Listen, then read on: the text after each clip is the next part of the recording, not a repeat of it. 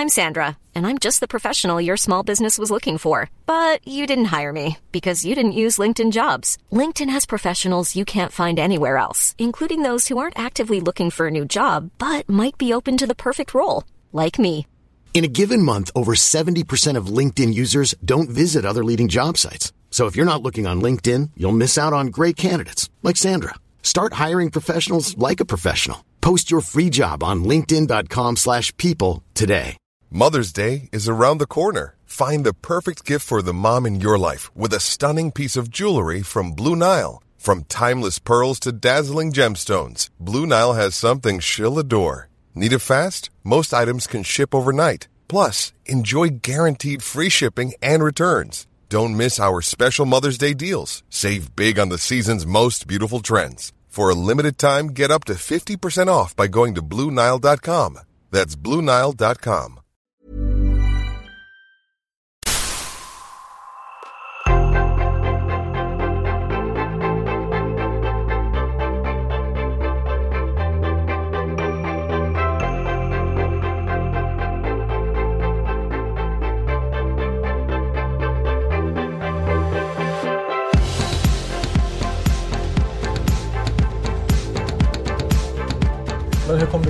att du skulle börja podda?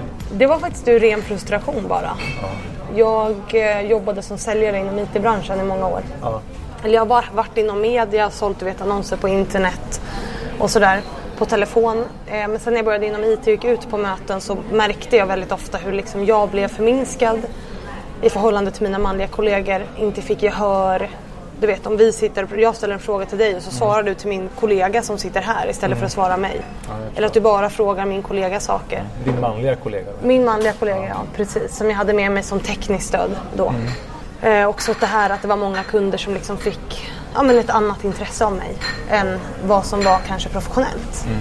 Du vet den här extra kaffen, den här extra lunchen som kanske egentligen inte avgör en affär utan för att de vill hänga med mig. Liksom. När man får den här känslan av att det kanske inte är affärsmässigt men det är svårt att säga någonting rätt ut. För Svårt att ta på det, det är svårt att sätta ord på det. det är så, ja, jättesvårt att sätta ord på. Det är ju oftast väldigt subtilt. Så att man, liksom, man kan inte så här call it out och säga att nu tycker jag att du gör fel för att någon inte säger någonting rätt ut. Du kan ju beskriva en känsla men då kanske du inte blir tagen på allvar. Liksom. Så jag hade supersvårt för det där och pratade med en chef om det på mitt jobb och sa så här, jag vet inte hur jag ska tackla det här. Och då sa han det att liksom, du måste tona ner dig själv, du måste bli mer business. Du kan inte vara, för jag är ganska så här sprudlande och energifull som person så. Men att jag kan inte vara så för då kommer alla män att vilja ligga med mig liksom. Så att du måste eh, anpassa dig. Och det tyckte jag var rätt trist. Jag försökte med det men du vet, jag hittade liksom inget naturligt sätt att vara business. Där jag fortfarande kunde behålla det här som jag är, är duktig på, alltså att bygga relationer. Jag ju, har alltid haft talang för det liksom, att bygga relationer. Vilket är en stor del av sälj, det vet vi ju. Absolut. Ehm, ja. Men, och, och, och vad tänkte du då? då tänkte, hur, skulle du försöka, hur skulle du komma åt det då om du inte kunde sätta ord på det? Jag ville lära mig, alltså dels vill jag veta om det här händer, typ eh, Tuva Palm var först, faktiskt min första tanke. Eh, eller om det händer Ebba Busch eller Helene Barnekow, alltså de här kvinnorna som har gjort det som vi definierar som karriär. Liksom. Har det hänt dem? Och hur har de i sådana fall tacklat det? För jag, vill ju, jag hittade liksom inga bra tips på hur kan jag hantera när jag blir satt i lilla gumman-facket eller när jag blir objektifierad eller när allt det här sker i vardagen, väldigt konkreta situationer. Det ville jag lära mig, hur jag kunde tackla. Härligt, Åh, här kommer det tack. en meny. Ska vi Fantastiskt fatta fint. beslut på stående fot eller? Jag, jag, jag är inte så kräsen. Jag är ganska, inte för att stressa men. nej, men jag är ganska enkel och också oftast väldigt eh, hungrig. Så då bestämde du dig för att du skulle träffa en massa kända, eller framgångsrika om man så, kvinnor då? Ja. För att ta del av deras erfarenhet kring Och här- lära mig konkret. Alltså jag ville säga, vad konkret händer dig? Hur konkret hanterar du det? det för att bra. jag ville lära mig. För jag tycker att vi ska prata, jag lyssnar mycket på poddar och det finns ju jättemycket bra poddar där ute.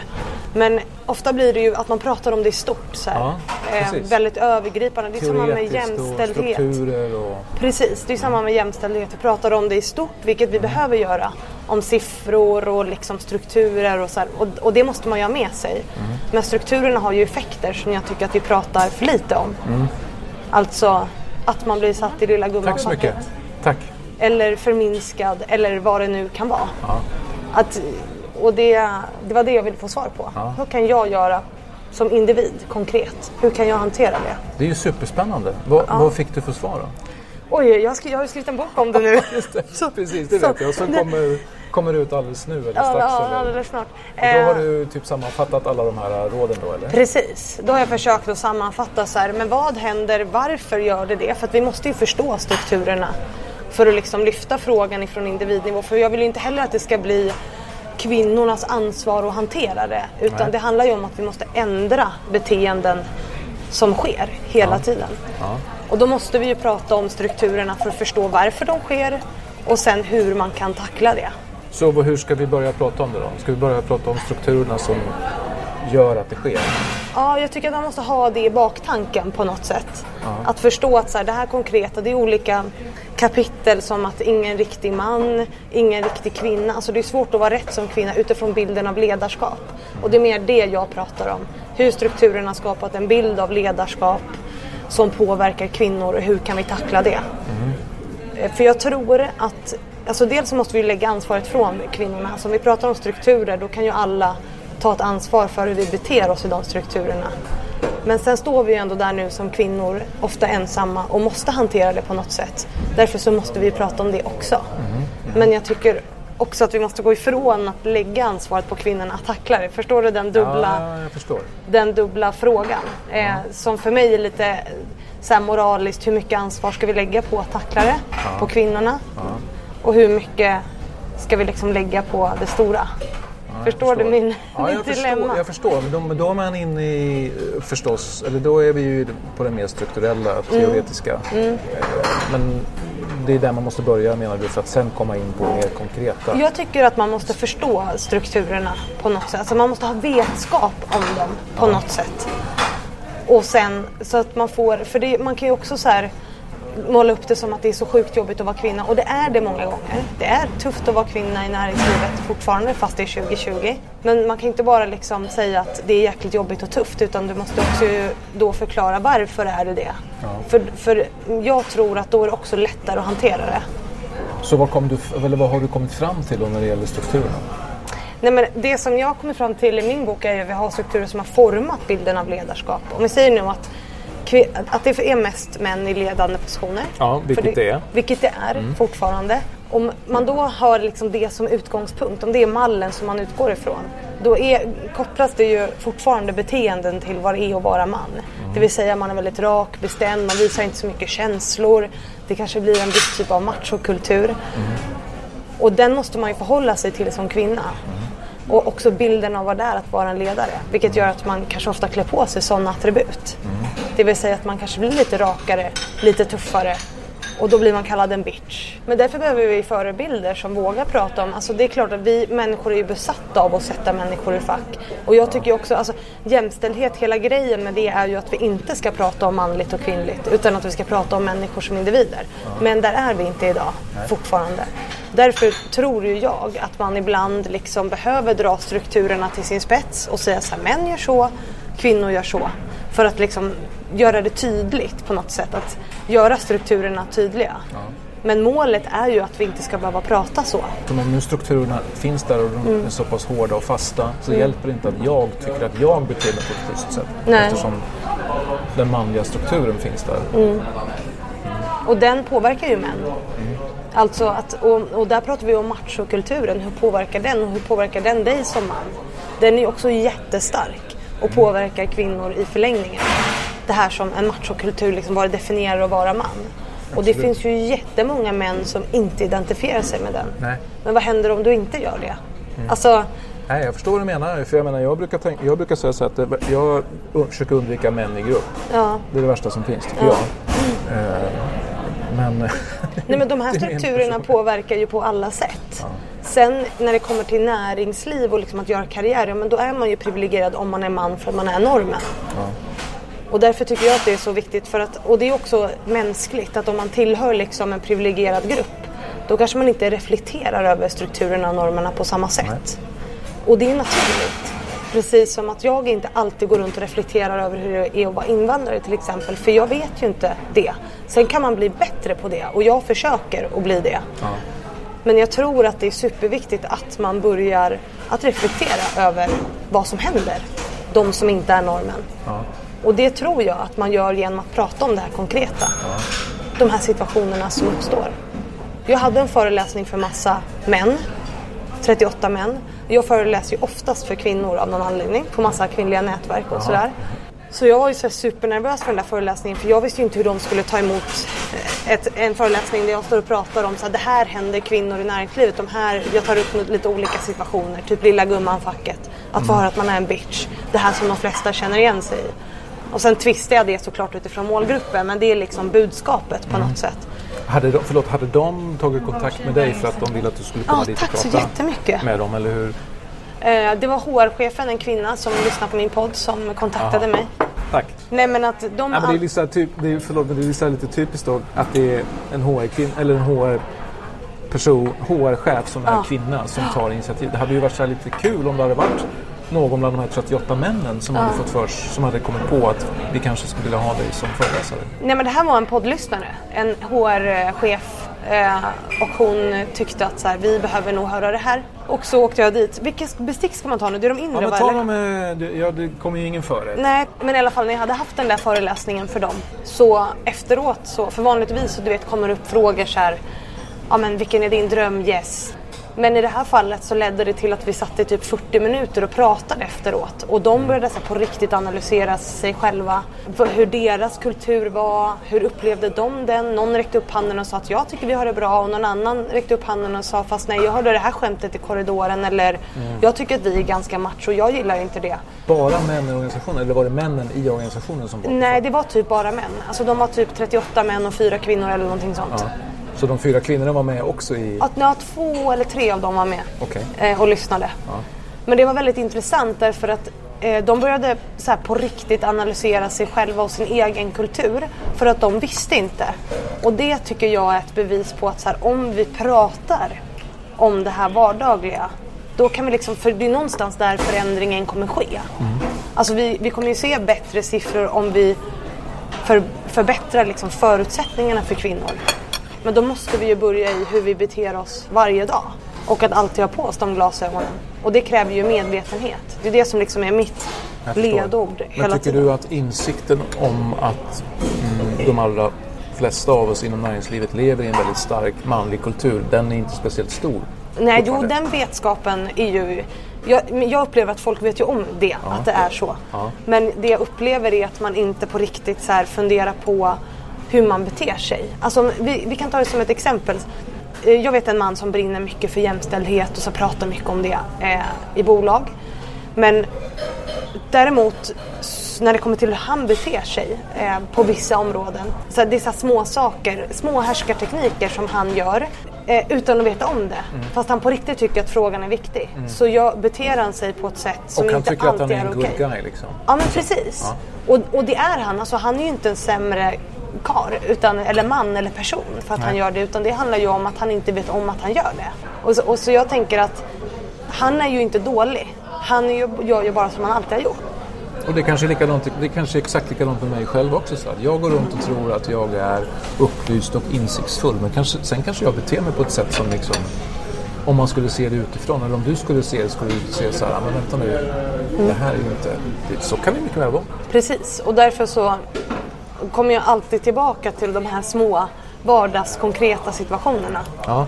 Men låt oss prata om dem då. Ja, precis. De här konkreta situationerna. Ja, det finns ju så många va? Men, Det, men, det är en du, hel del. Ja, men om du nu, för det var ju det du sa till en början här, att du ville liksom ge dig ut på jakt på något sätt efter, om jag nu utsätts för det här, hur hanterar, hanterar jag det då? Ja. Det där är ju alltid svårt. Eh, utifrån så här, i vilken situation befinner du dig just nu, vilka är i rummet. Den vanligaste grejen som vi pratar om, det är ju, eller som var en så grundfråga som jag kallar för lilla gumman-facket som är ganska vanligt. Och det definieras ju egentligen av att du känner dig som lilla gumman. Det vill säga jag kommer in i det här rummet nu, jag får inte samma gehör, folk kanske inte tar mig på allvar i det här. Alltså man, det där känner man ju när man kommer in. Jag måste bevisa mig. Jag måste... Om du kommer in tillsammans med till exempel en manlig kollega eller om du kommer in Ja. själv eller... Om jag kommer in själv om jag kommer in tillsammans med en manlig kollega. Alltså det är ju alltid, som sagt, alltid beroende på i vilken situation du är. Men jag kan ju ta det här konkreta som i mitt eget exempel när jag är ute på möten.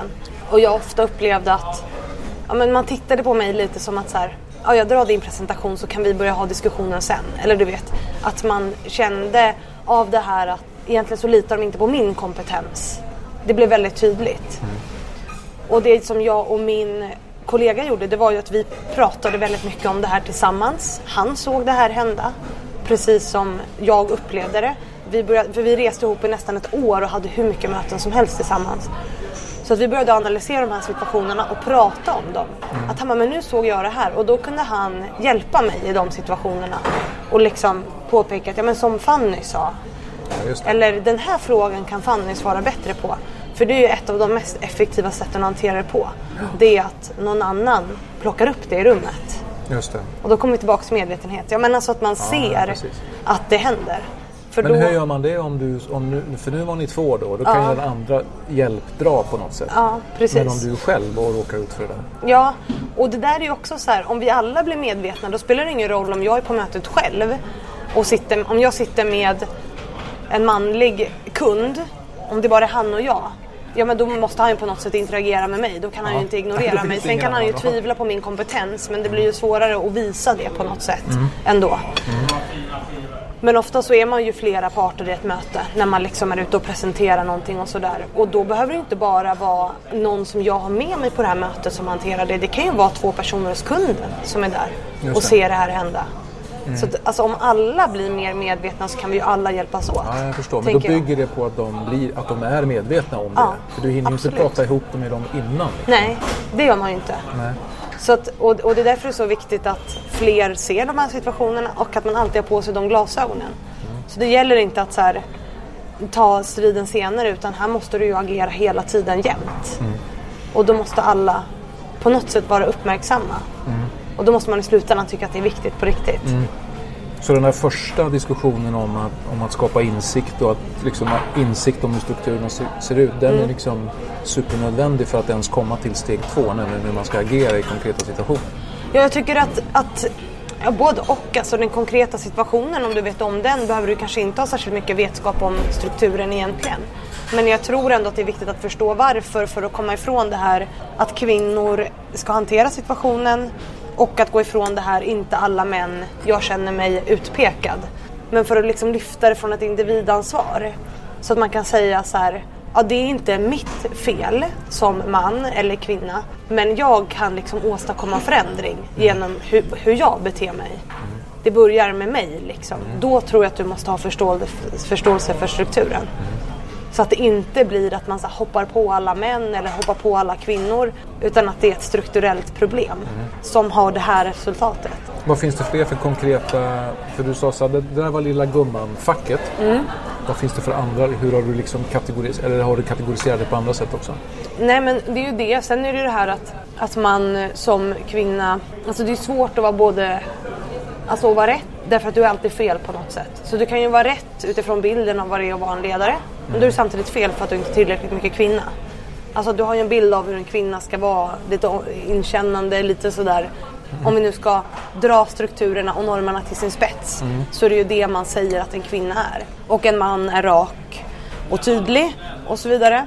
Och bilden av vad det är att vara man, nu gör jag sådana situationstecken, är ganska lik bilden av vad det är att vara en ledare. Därför är det ju lättare att vara man och ledare. Men om du är kvinna och ledare och beter dig som en man, så, alltså förstår du, det blir ju hela tiden en konflikt där. Jag förstår. Och det här är ju någonting som jag upplever och som jag liksom har lärt mig nu då, att eh, många kvinnor upplever i ledande positioner. Att man liksom, ja men du är en bitch. Eller blir ska du inte att det vara blir lite fel om mer... man beter sig på vissa sätt Ja, eller ska du inte le lite mer? Eller ska du inte, alltså jag har ju fått in så mycket kommentarer om just det. Att, sådär, att man uppmanar kvinnor att le lite mer, vara lite mer tillmötesgående, var inte så hård, var inte så... Och där, och där är ju en grej, att man måste lära sig att det är inte personligt, det handlar inte om dig. Så där tycker jag att strukturvetenskapen är ganska viktig. Att veta att det beror inte på dig som individ, det är inte du som gör fel, utan det här beror på strukturen och bilden av ledarskapet. En annan sak som jag tycker är viktig här det är att vi börjar prata mer om beteende. Alltså okej, okay, men om du, på vilket sätt tycker du att jag är en bitch? Och så här, hur, hur tar det oss längre ifrån målet? Eller om någon uppmanar dig att le mer, hur ska det ta oss närmare målet som grupp? Hur ska vi uppnå hur ska jag sälja mer bara för att jag ler mer? Alltså förstå att man måste liksom försöka få mer konkreta beteenden, att folk kommer undan med floskler. Som att man ska skaffa mer skinn på näsan eller man ska mm. Du vet, för det får man ju också ofta höra. Mm. Du måste ha lite mer skinn på näsan. Mm. Men vad är en skinn, mer skinnbit på näsan egentligen? Vad är det för konkreta beteenden som du efterfrågar? Mm.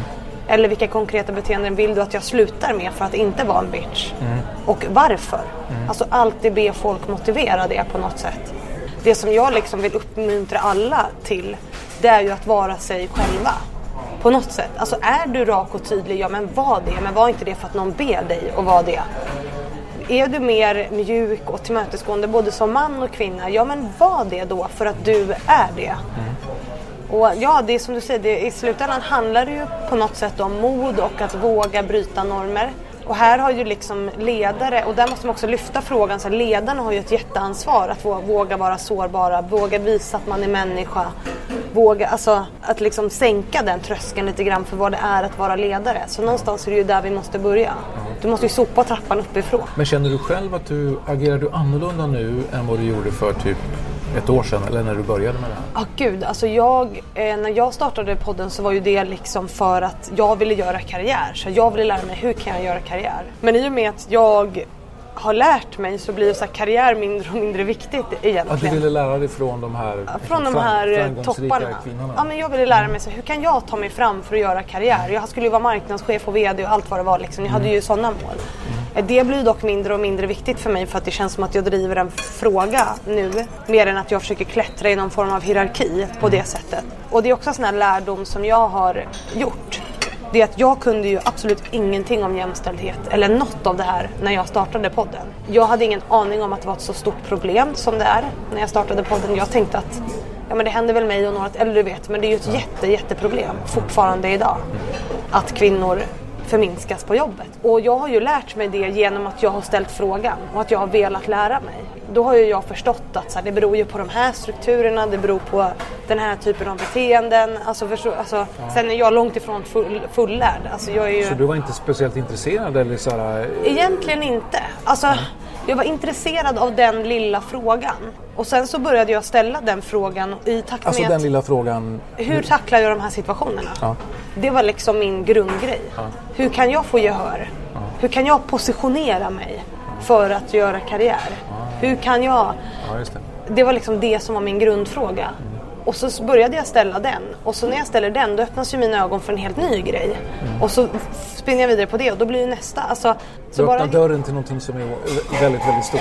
Ja men precis. Så bara genom nyfikenhet. Och alltså, att vilja lära mig och att våga ställa frågan. Vilka är de bästa råden på något sätt som har fastnat hos dig?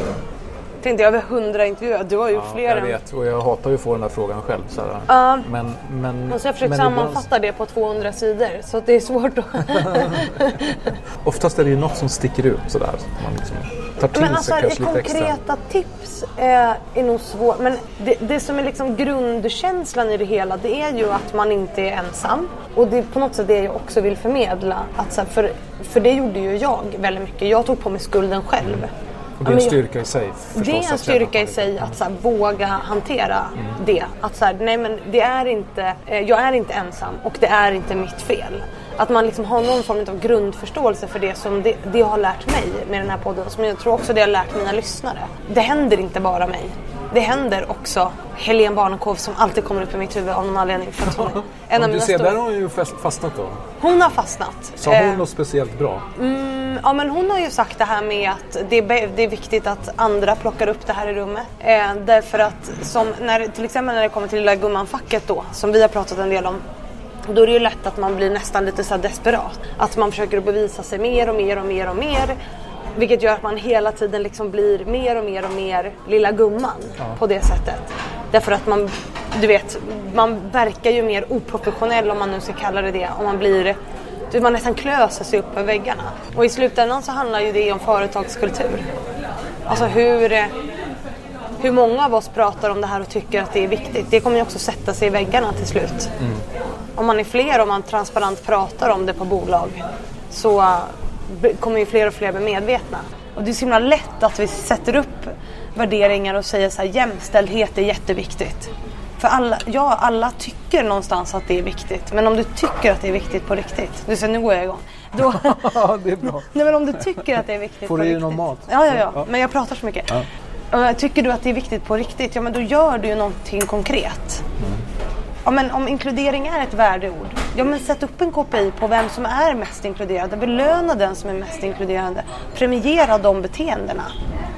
Men vad skulle du ehm, utifrån dina intervjuer och den insikten som du har fått, vad, skulle vara, vad är ditt liksom främsta råd då till mig som man?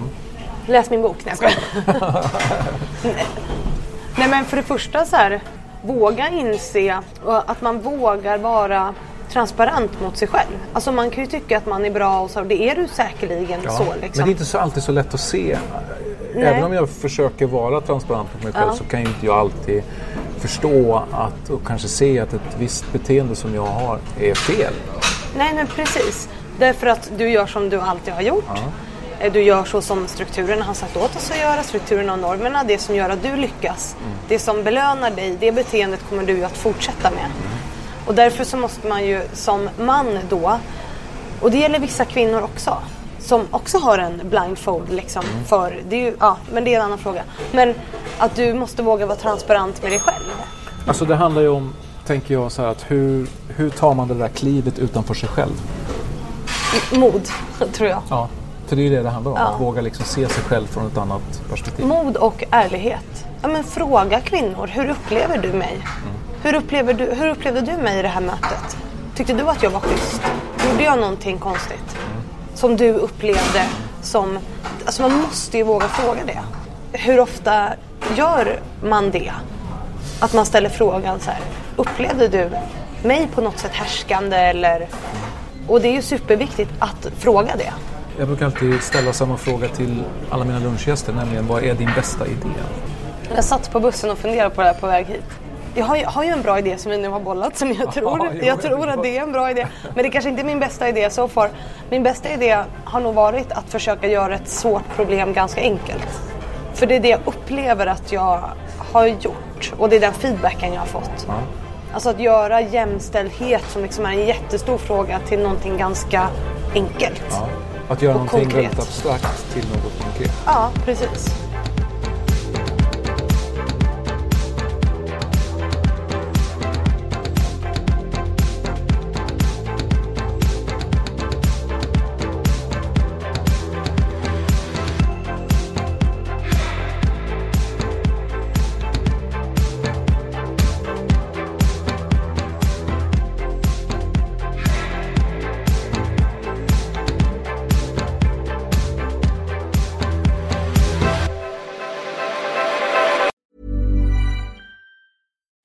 Flexibility is great. That's why there's yoga. Flexibility for your insurance coverage is great too. That's why there's United Healthcare Insurance Plans. Underwritten by Golden Rule Insurance Company, United Healthcare Insurance Plans offer flexible, budget friendly coverage for medical, vision, dental, and more. One of these plans may be right for you if you're, say, between jobs, coming off your parents' plan, turning a side hustle into a full hustle, or even missed open enrollment. Want more flexibility? Find out more about United Healthcare Insurance Plans at uh1.com. Mom deserves the best, and there's no better place to shop for Mother's Day than Whole Foods Market. They're your destination for unbeatable savings, from premium gifts to show-stopping flowers and irresistible desserts. Start by saving 33% with Prime on all body care and candles. Then get a 15-stem bunch of tulips for just $9.99 each with Prime. Round out Mom's menu with festive rosé, irresistible berry chantilly cake, and more special treats. Come celebrate Mother's Day at Whole Foods Market